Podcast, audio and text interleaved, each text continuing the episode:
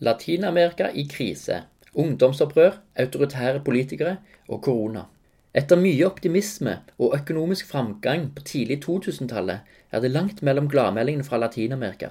Men hvordan står det til med demokratiet og menneskerettighetene i regionen? Vegard By og Peder Østebø snakker om de lange linjene i nyere latinamerikansk historie. Om hvordan politisk stabilitet og økonomisk framgang plutselig ble erstattet av krise og kaos, og hva koronakrisa kan bety for regionen. Vegard By har en doktorgrad i statsvitenskap fra Universitetet i Oslo, og har gjennom 40 år skrevet om og analysert latinamerikanske forhold for norske og internasjonale publikum. Peder Østebø er statsviter fra UiO og masterstudent i latinamerikansk historie ved Freie universitet Berlin. Han er for tiden tilknyttet Norsk utenrikspolitisk institutt, NUBI.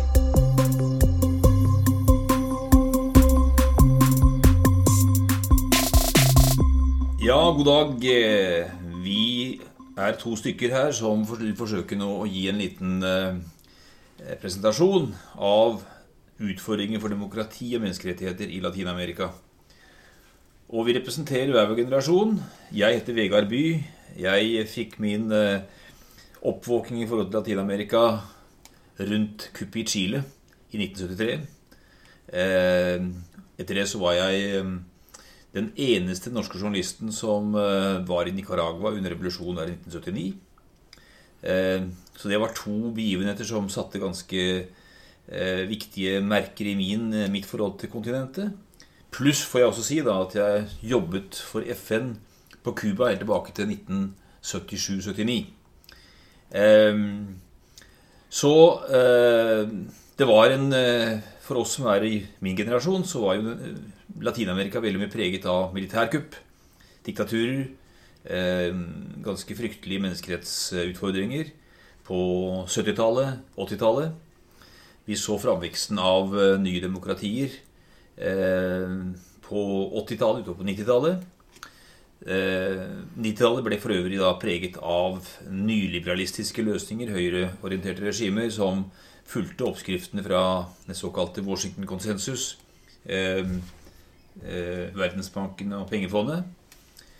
Og så kom da rundt årtusenskiftet en ganske enorm endring i hele det politiske landskapet med den såkalte rosa bølgen, pink tide, hvor venstreregjeringer, i hvert fall sentrum-venstreregjeringer av ulike slag, eh, dominerte. Og vi kan vel si at to tredjedeler av folk i Latin-Amerika levde under slike regimer. Så det er på en måte min bakgrunn for det vi skal snakke om i dag. Peder? Takk for det. Eh, mitt forhold til Latin-Amerika det begynner jo egentlig med den siste delen av det du, Vegard, beskriver. Eh, jeg er for øvrig mm, statsviter fra, fra, Universitetet i Oslo, og så holder jeg på med en eh, masteroppgave i historie på eh, Freie universitetet i Berlin. Og den handler da om latinamerikansk historie. Og mitt første møte med Latin-Amerika det var rundt 2010, da jeg gjerne ville lære meg spansk og, og skjønne litt mer av regionen, og da dro til El Salvador på et eh, frivillig prosjekt. Og en del av de tingene som trakk meg til Latin-Amerika akkurat da, det var at det skjedde veldig mye spennende, og spesielt da i en del land hvor venstresida gjerne for første gang hadde eh, fått eh, politisk makt. Eh, det er jo det som Vegard og som eh, de fleste andre omtaler som den rosa bølgen. Og den prega eh, latinamerikansk politikk fra begynnelsen av 2000-tallet og til midten av det tiåret som akkurat har, har gått. 15 år med eh, stor økonomisk vekst i veldig mange land en del, eh, en del forskjellige demokratiske eksperimenter. Ofte så snakker en om en utdyping av demokratiet i en del land. Men òg store demokratiske utfordringer. Og det er kanskje utfordringene som har blitt stående igjen når vi nærmer oss vår egen tid, hvor vi ser en eh, region som er prega av eh, mistillit til Eh, til staten og til eh, politikere og politiske aktører generelt. og til det som innenfor statsvitenskapen gjerne blir omtalt som eh, demokratisk eh, erodering eller demokratisk kollaps. Eh, for det er i de løpet av de siste ti årene en del stater som en gjerne tenker har gått i feil retning. Både når det gjelder demokrati, men òg på menneskerettigheter og på sosiale indikatorer.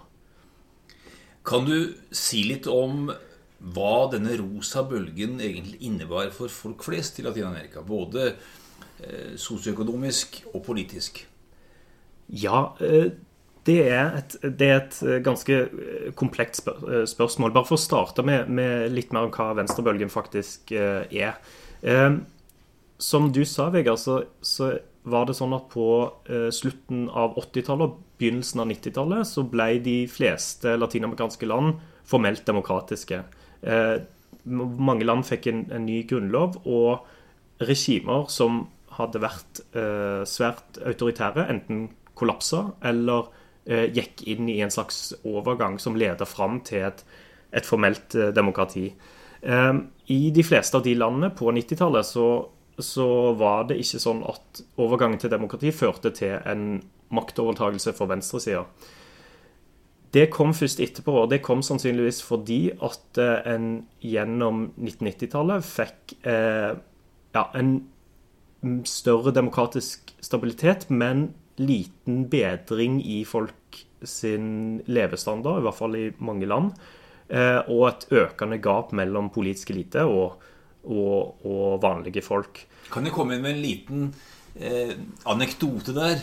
Selvfølgelig kan du det. Jeg var til stede på, eh, på årsmøtet i Den interamerikanske utviklingsbanken i New Orleans i jeg tror det var 1999.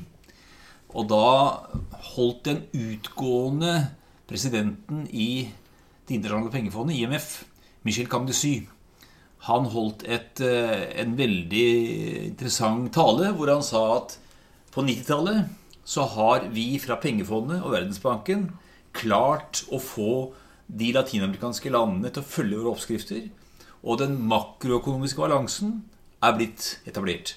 Men jeg ser nå, sa han, at den sosiale kostnaden med dette er så stor at jeg tror ikke dette er demokratisk bærekraftig. Dette var få måneder før, eh, før, eh, før eh, Chávez ble valgt til president i Venezuela. Som egentlig utløste den rosa bølgen. Mm. Så sy fra pengefondet var ganske profetisk i det han sa i 1999. Ja, og, og det var nok en trend eh, som en, en så eh, i ganske mange internasjonale institusjoner. At, en, at eh, selv om man hadde fått eh, en, en, viss både demokratisk og makroøkonomisk stabilitet i regionen, så, så, så fantes det ganske utstrakt misnøye med hvordan det politiske systemet fungerte.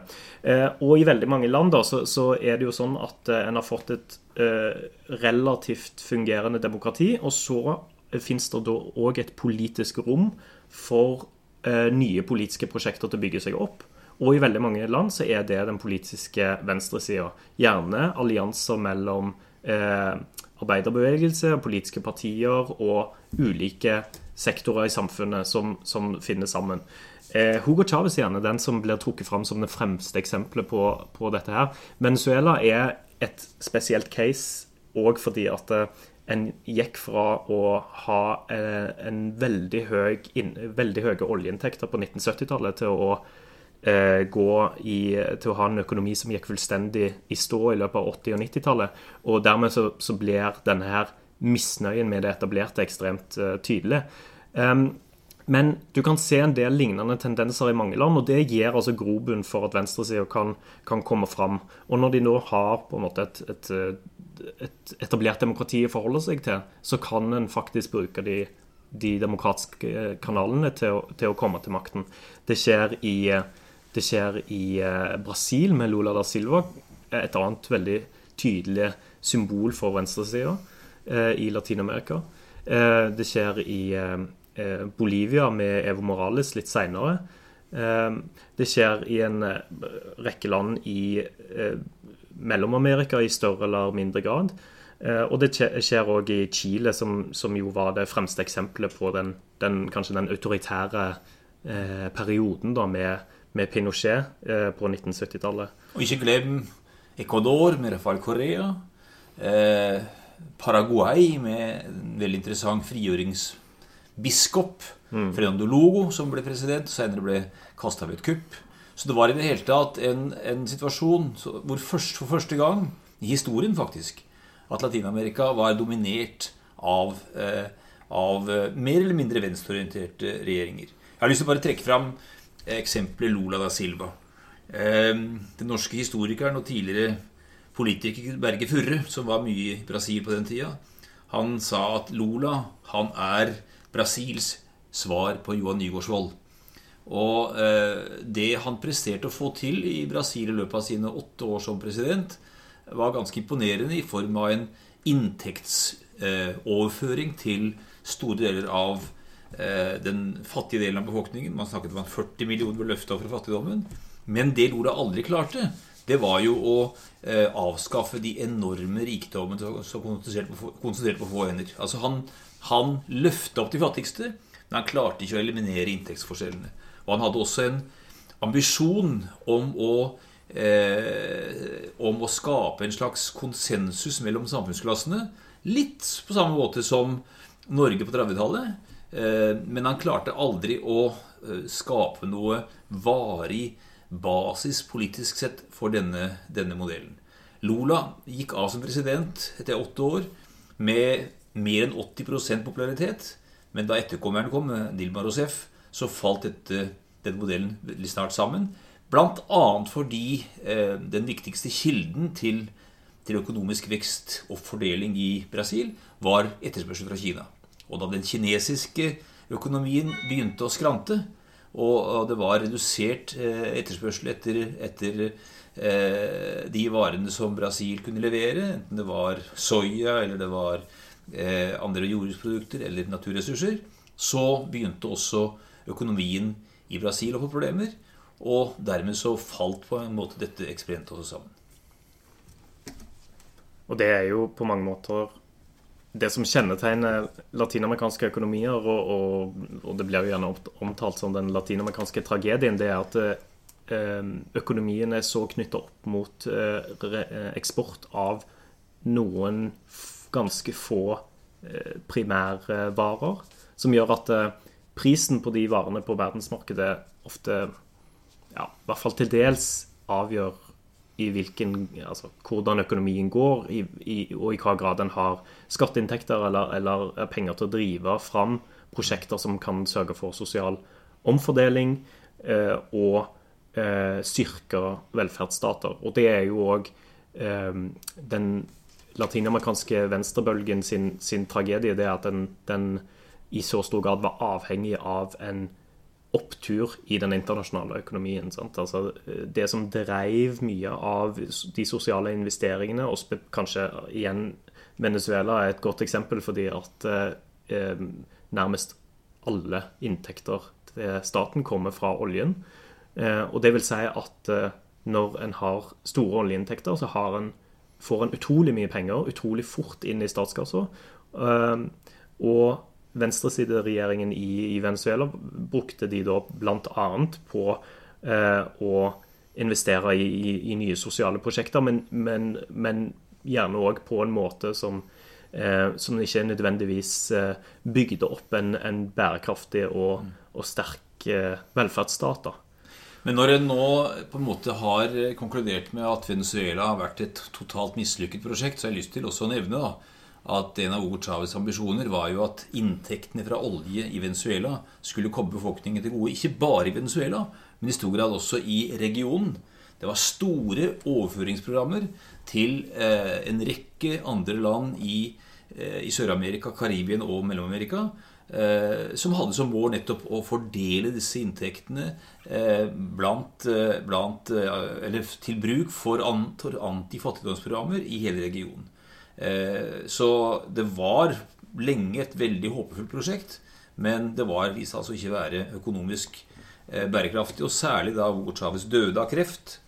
Eh, det var vel 2013, var det ikke det? Mm. Og, og, og, Nicolas Maduro overtok og trodde han skulle videreføre dette prosjektet. Så viser det seg at hele Chávez sin eh, sin, sitt prosjekt var basert på en ekstremt karismatisk personlighet eh, som klarte å samle folk i stor grad bak sine visjoner, mens Maduro langt fra var i stand til det. Og dermed så falt hele dette prosjektet sammen.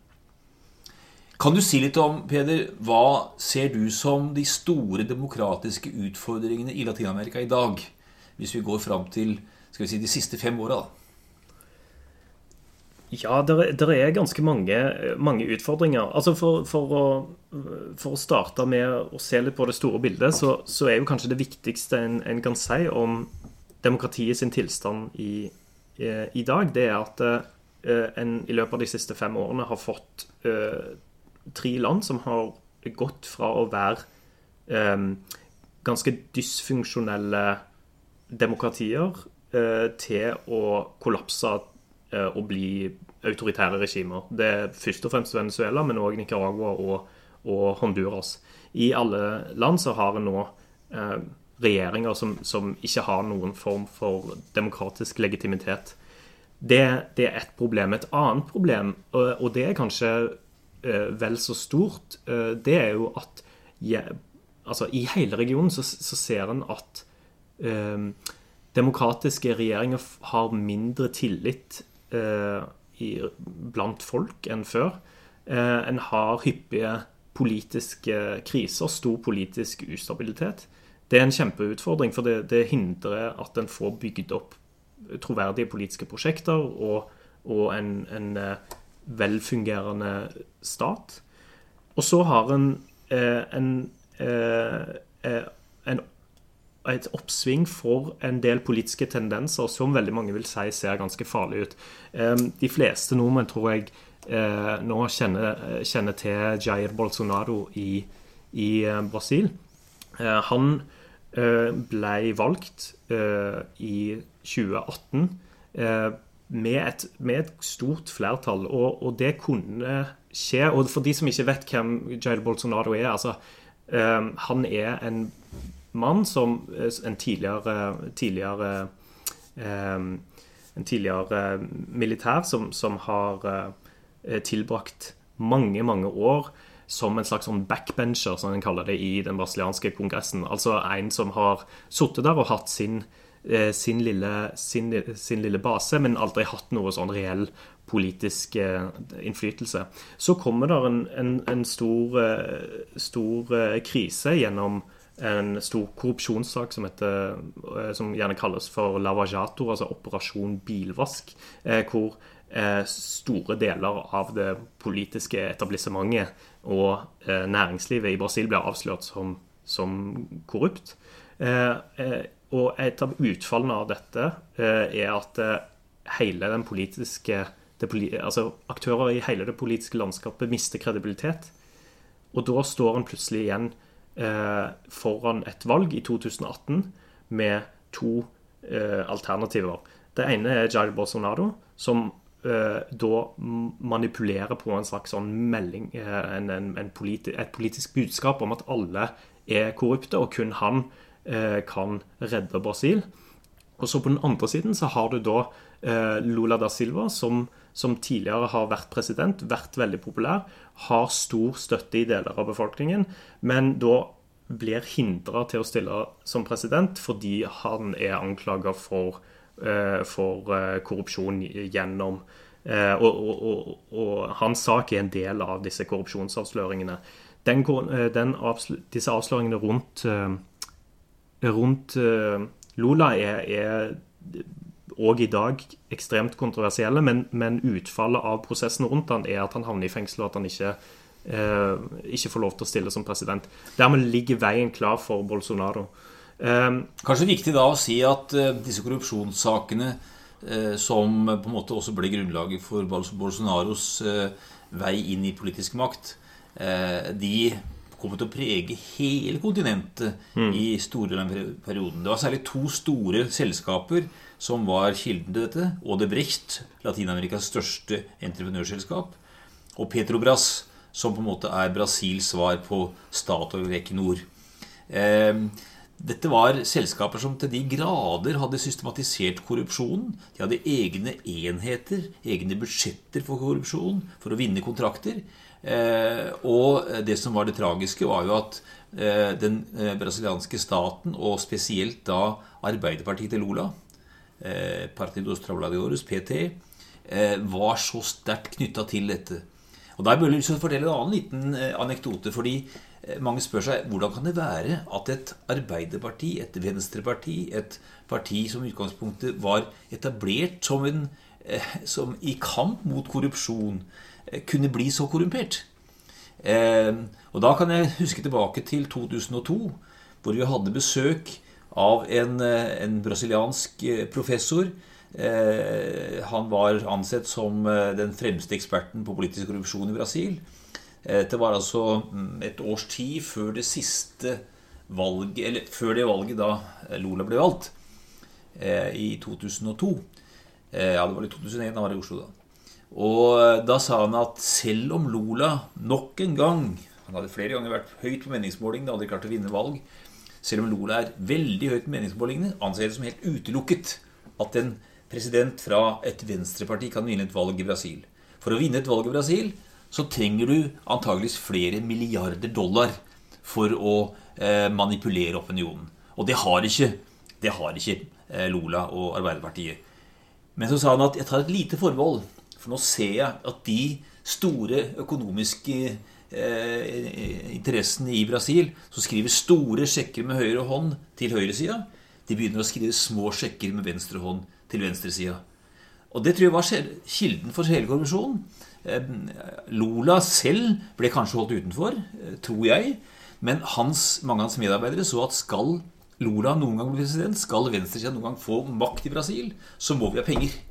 Og det var slik korrupsjonen av, av PT og av eh, det statsapparat som var så nært knytta til PT, eh, ble korrumpert. Og dermed så rullet skandalen over hele kontinentet. Eh, nesten i alle land i Latin-Amerika så var det toppolitikere, mange presidenter, som ble tatt av denne korrupsjonsbølgen. Og det har satt sitt enorme preg på, eh, på kontinentet. Og kanskje er det også hovedgrunn til den enorme protestbølgen som har vært, ikke minst fra ungdom, mot eh, sittende presidenter og sittende politikere, etablerte partier i Latin-Amerika. Mm. Jeg tror i hvert fall kombinasjonen av eh, dårlige økonomiske tider og eh, politisk ustabilitet generelt, og disse korrupsjonsskandalene, at det har en ganske eh, fundamental effekt på hele det politiske landskapet, og hvordan folk tenker om politikk. Eh, Korrupsjon har vært en, et, et, et, kjempestort problem i latinamerikansk politikk veldig lenge. Men det er spesielt når ting blir Når tidene blir vanskelige økonomisk, at, disse, at det får en stor effekt. Og, og, så har det skjedd en del ting på altså En har, en har fått eh, rett og slett bedre, bedre etterforskningsmuligheter. Det, det, skjedde i Brasil, det skjedde òg i, i, Guatemala. Resultatet ble jo eh, stor politisk ustabilitet, men òg et, et slags sånn eh, tilbakeslag egentlig for hele kampen mot korrupsjon. Fordi at eh, en del, i hvert fall i Guatemala, så seg tjent med å ikke fortsette kampen mot eh, korrupsjon. Det ødela rett og slett for mye. Nå har vi snakket mye om demokratiets utfordringer. Vi skal også si litt om menneskerettsproblemer. Menneskerettsutfordringer. Det er klart at på 80-tallet, da 70-80-tallet, da Latin-Amerika var dominert, eller fra Sør-Amerika og Mellom-Amerika, var dominert av eh, militærdiktaturer, så var det enorme menneskerettsutfordringer. Eh, tusenvis av mennesker ble drept, ble kasta i fengsel, gikk i eksil. Så kom det da en demokratisk bølge som gjorde at, at Latin-Amerika egentlig ble en slags for, eh, en, en, en pioner, et pionerkontinent når det gjaldt å eh, ratifisere internasjonale konvensjoner og gjøre menneskerettigheter til et sentralt punkt i politikken. Eh, I dag så ser vi at Latin-Amerika har ikke de samme menneskerettsutfordringene som f.eks. i Midtøsten eller i mange afrikanske land. Men nettopp fordi man har en så sterk og aktiv sivilsamfunn eh, som eh, er, i stor grad er prega av menneskerettsorganisasjoner, så ser en også at eh, undertrykkingen av disse, forfølgelsen av disse, Og i hvert fall det å forsøke å ekskludere dem fra den offentlige debatten har blitt en stor utfordring. Så i dag er det mer Det er ikke snakk om så stor grad av eh, politiske fengslinger, politiske drap, men mer selektiv drap av menneskerettsaktivister i land som Colombia, Mexico eh, Særlig kanskje de to landene og en del mellomamerikanske land. Eh, og eh, det at en del av de eh, fremste representantene for menneskerettigheter, urbefolkningen, kvinnebevegelsen, eh, har blitt, har blitt så sterkt forhindret fra å delta i den politiske debatten. Jeg vil si det sånn at Menneskerettigheten i Latin-Amerika i dag er kommet på et helt annet nivå enn de var på, på 70-80-tallet. Men det er nye aktører som forlanger også helt, en helt annen grad av oppfyllelse av de eh, internasjonale konvensjonene som så mange land har forpliktet seg til. Og det skaper nye konflikter og nye skal vi si, eh, politiske eh, mønstre i regionen. Eh, på mange måter så er Latin-Amerika kanskje det, i hvert fall det kontinentet i den tredje verden som har en høyest grad av menneskerettsbevissthet, en høyest grad av menneskerettsorganisering. Men det gjør også at makthaverne føler seg så direkte truet av disse bevegelsene at de svarer med selektiv represjon. Jeg vet ikke hvordan du opplever det når du ser f.eks. på eh, hvordan ungdommer som demonstrerer i gatene i en rekke land i, i, i Latin-Amerika det siste halvåret, hvordan de blir møtt. F.eks. i Chile, i Colombia, i Ecuador. Hvordan har du opplevd det, Peder? Nei, Først og fremst så, så er det jo viktig kanskje å si at det, det, er en viktig forskjell mellom hvordan de latinamerikanske demokratiene i alle, alle sine fasetter uh, fungerer, og hvordan uh, de latinamerikanske diktaturene uh, fungerer. I, I, Venezuela og Nicaragua spesielt kan, så kan du se at, det, at undertrykkelsen av eh, medier, eh, folk som protesterer, sivilsamfunnsorganisasjoner, er ganske massiv og konstant. Når det, og så, så, er det dette, eh, denne tendensen som du peker på, at òg i demokratier så, så er sivilsamfunnsaktører under press.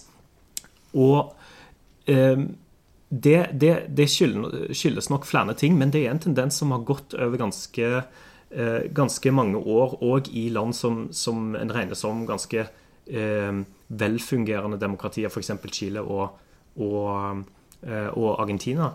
Eh, at en har eh, sett en økt vilje fra staten sin side til, til å bruke, eh, bruke makt og, og, og, bruke ulike virkemidler, juridiske virkemidler, for, for å prøve å rett og slett eh, begrenser litt det, politiske, eh, det politiske handlingsrommet til sivilsamfunnet. Og jeg tror kanskje at det er en av kimene til, til det som skjedde i 2019 i, i Chile, i Ecuador, eh, i Colombia. og delvis òg i Bolivia, selv om det er en litt annen historie. Men at en, at en får en, en, slags sånn trykkokereffekt hvor, hvor eh, både eh, politiske tendenser, økonomi og òg en del uheldige tendenser inn, eh, i, i, hvordan staten oppfører seg mot, mot folk som eh, er uenige, mot folk som protesterer. Det kommer alltid sammen, og så eksploderer det. Eh, og det har vært litt karakteristisk for hvordan protester kanskje har oppstått i de siste, i de siste årene i, eh, i Latin-Amerika. I Chile i, i fjor høst så oppstår det jo gjennom først en ganske liten Eh, demonstrasjon mot økte eh, kollektivpriser. Det var nøyaktig den samme grunnen eh, til at en begynte å protestere i, i Brasil i 2013. Og i begge tilfellene så, så vokste protestene enormt etter at en fikk et, en første ganske sånn aggressiv konsentrasjon mellom Eller en, en aggressiv konfrontasjon mellom eh, folk som protesterer, og eh, politi og, og, og, og ulike eh, Og etter hvert òg militære. Eh, I Chile så, så, så, så, går det jo ikke lang tid før demonstrasjonene blir så massive at, at politiske myndigheter er, er helt, helt i villrede om hva de skal gjøre med det. Og Samtidig så er det en egen dynamikk til disse protestene. De begynner med et, noen enkle krav, eller, de, eller en protesterer mot en enkel ting. Og så vokser eh, vokser kravene, eller så vokser den politiske kampen som blir ført fram gjennom protestene. Så i Chile så begynner det med kollektivpriser, og så avsluttes det med forslag om en ny grunnlovsprosess. Eh, og det er en ganske spesiell utvikling, for det sier noe om eh, alt som ligger under, og som plutselig kommer til overflaten når et samfunn plutselig havner i en, i en krise. Og så tror jeg det er kanskje viktig også å trekke fram to store migrasjonsbølger som har prega Latin-Amerika de siste åra, og som også har vært, blitt viktige menneskerettsutfordringer. For det første sammenbruddet i Venezuela, som har ført mm. til at jeg vet ikke, er det vi snakker i dag om fem millioner, fem millioner. Fem millioner venezuelanske flyktninger i Colombia. Og det andre er jo da denne forferdelige krisa i Mellom-Amerika, spesielt i Honduras, El Salvador, Guatemala, hvor de såkalte maraene, ungdomsbander, kriminaliserer eh, byene og gjør livet rett og slett uutholdelig for, for, ungdommer spesielt, og for fattigfolk, som da forsøker å vandre nordover for å komme inn i USA, og som nå blir stoppa på grensa der Trump skal bygge den store muren sin mot Mexico. Eh, og han har nå også pressa den meksikanske regjeringa til å forhindre disse flyktningene i å nå fram til grensa. Og, og situasjonen blant, blant, flyktninger, ikke minst kvinner og barn, i grenseområdene mellom Mexico og USA er helt forferdelig. Dette er kanskje de to største menneskerettsutfordringene i Latin-Amerika i dag. Mm. Men nå tror jeg vi må gå videre for å uh, holde oss innenfor tidsrammen, Peder. Hva så mye å snakke om? Uh, det er veldig mye å snakke om. Nå har vi fått korona i Norge, men hva betyr koronaen i Latin-Amerika? Hvilke utfordringer ser du der? Jeg tror at eh, når eh, Hvis vi sitter her om fem år og, og ser tilbake på de siste fem årene, så tror jeg at, eh, at spredningen av koronaviruset vil ha hatt en, en helt fundamental effekt på, på de latinamerikanske samfunnene. bare for, for, å ta det hvordan dette, dette da begynte. altså i, Koronaviruset kom noe seinere til Eh, til Latin-Amerika enn til f.eks. Europa. Det gjorde at eh, eh, de latinamerikanske samfunnene fikk en liten sånn heads up. Og, og veldig mange land kom med tiltak veldig tidlig. Og, og ganske drastiske tiltak. I, I, stort sett alle latinamerikanske land så, så, sitter folk i en slags form for lockdown som, som ligner veldig på den, den vi sitter i sjøl. Kanskje enda mer drastisk? Ja, og den er, og den I enkelte tilfeller så er den mer drastisk, og den har mye større konsekvenser for enkeltindivider. Den har store konsekvenser for, for folk i Norge, men i veldig mange latinamerikanske land så er eh, gjerne et, stort mindretall, eller til og med flertallet av befolkningen, eh, sysselsatt gjennom det som en gjerne kaller for uformell sektor. Det vil si at de, at de får sine inntekter eh, gjennom eh, ikke gjennom uh, regulerte jobber, men gjennom andre typer økonomisk virksomhet. Altså de, de selger og kjøper ting på gata, eller de, de, driver mindre verksteder som er mer eller mindre regulert. Sånne type ting. Og det, og det som skjer når, når alle blir sendt i hus, det er jo at veldig mange sitter uten noe sikkerhetsnett i det hele tatt. Det har ekstremt store konsekvenser for folk som gjerne er, er dømt til å leve fra, fra, hånd til munn.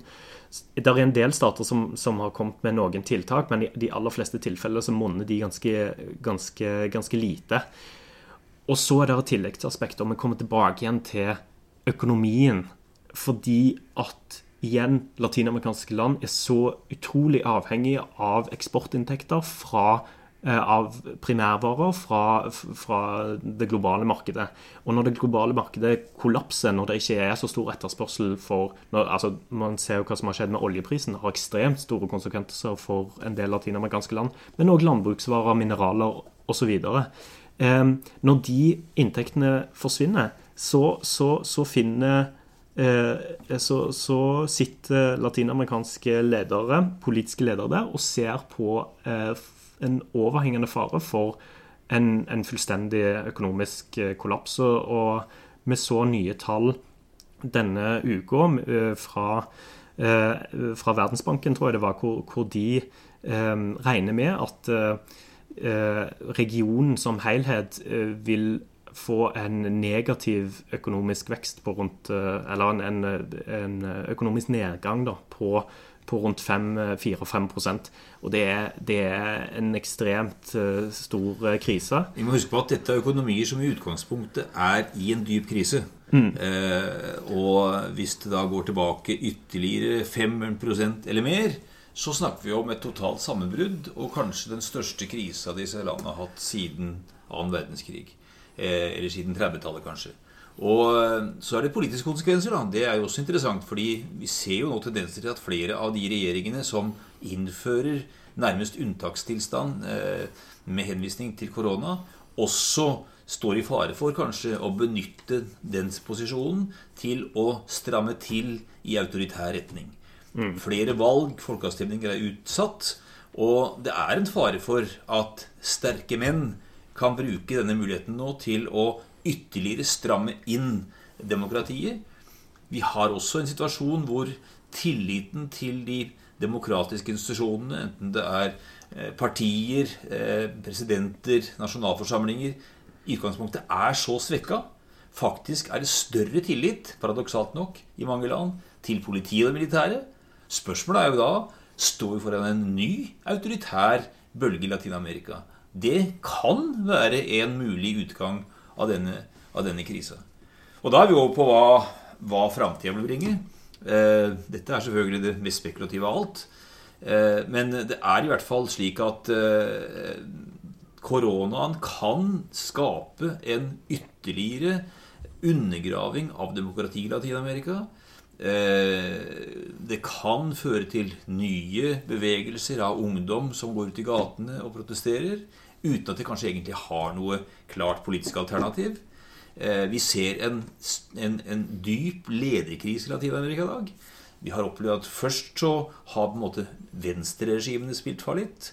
Så har høyreregimene spilt fallitt.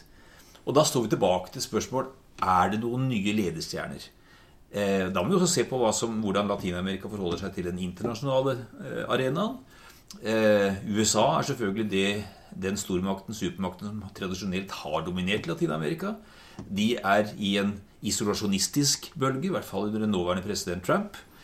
Kina har blitt faktisk det største investorlandet i Latin-Amerika og det ledende handelspart for mange latinamerikanske land. Mm. Russland ser muligheten til å eh, utfordre USAs hegemoni. Vi ser altså en stor eh, skal vi si, geopolitisk konflikt om dominans i Latin-Amerika satt opp mot skal vi si, de nasjonale regjeringenes ønske om å, å, å oppnå mer eh, selvstendig utvikling. I denne situasjonen tror i hvert fall jeg at EU, Europa, må spille en hovedrolle som de ene, eneste motvekt mot den geopolitiske konflikten som foregår nå mellom USA på ene sida, Kina og, og eh, Russland på andre sida.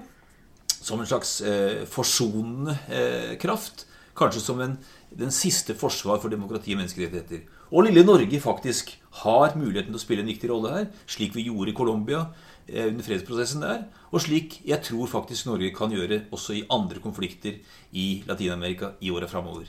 Men det innebærer, det, det betyr at vi, i Norge faktisk ikke må glemme Latin-Amerika, slik det er en tendens til i, i, i de siste åra. Vi har en, en betydelig det er betydelige forventninger i mange land til at Norge kan spille en fredsbyggende rolle. Og den, det ansvaret håper i hvert fall jeg at Norge er seg bevisst. Det er jo eh, en del det, det, er jo et ganske skremmende bilde du skisserer der. Eh, men det er et, et eh, mulig bilde. Eh, jeg, er du mer optimist? Ja, kanskje litt. Eh, altså et, et, viktig poeng her det er jo at en ikke vet helt hvordan uh, koronakrisa vil, uh, vil um, utvikle seg videre. Um, og så er det òg en del uh, trekk som, som, er viktige å få med seg. For nå, Jeg tror vi har eh, gjennom denne praten vært ganske pessimistiske. Det er det god grunn til. Og så ser en òg en del trekk eh, i et par land Jeg tror bl.a. i, i Colombia, men også kanskje i, i Chile. Hvor en ser at det er nye, nye bevegelser, en ny vilje til å se etter nye politiske løsninger.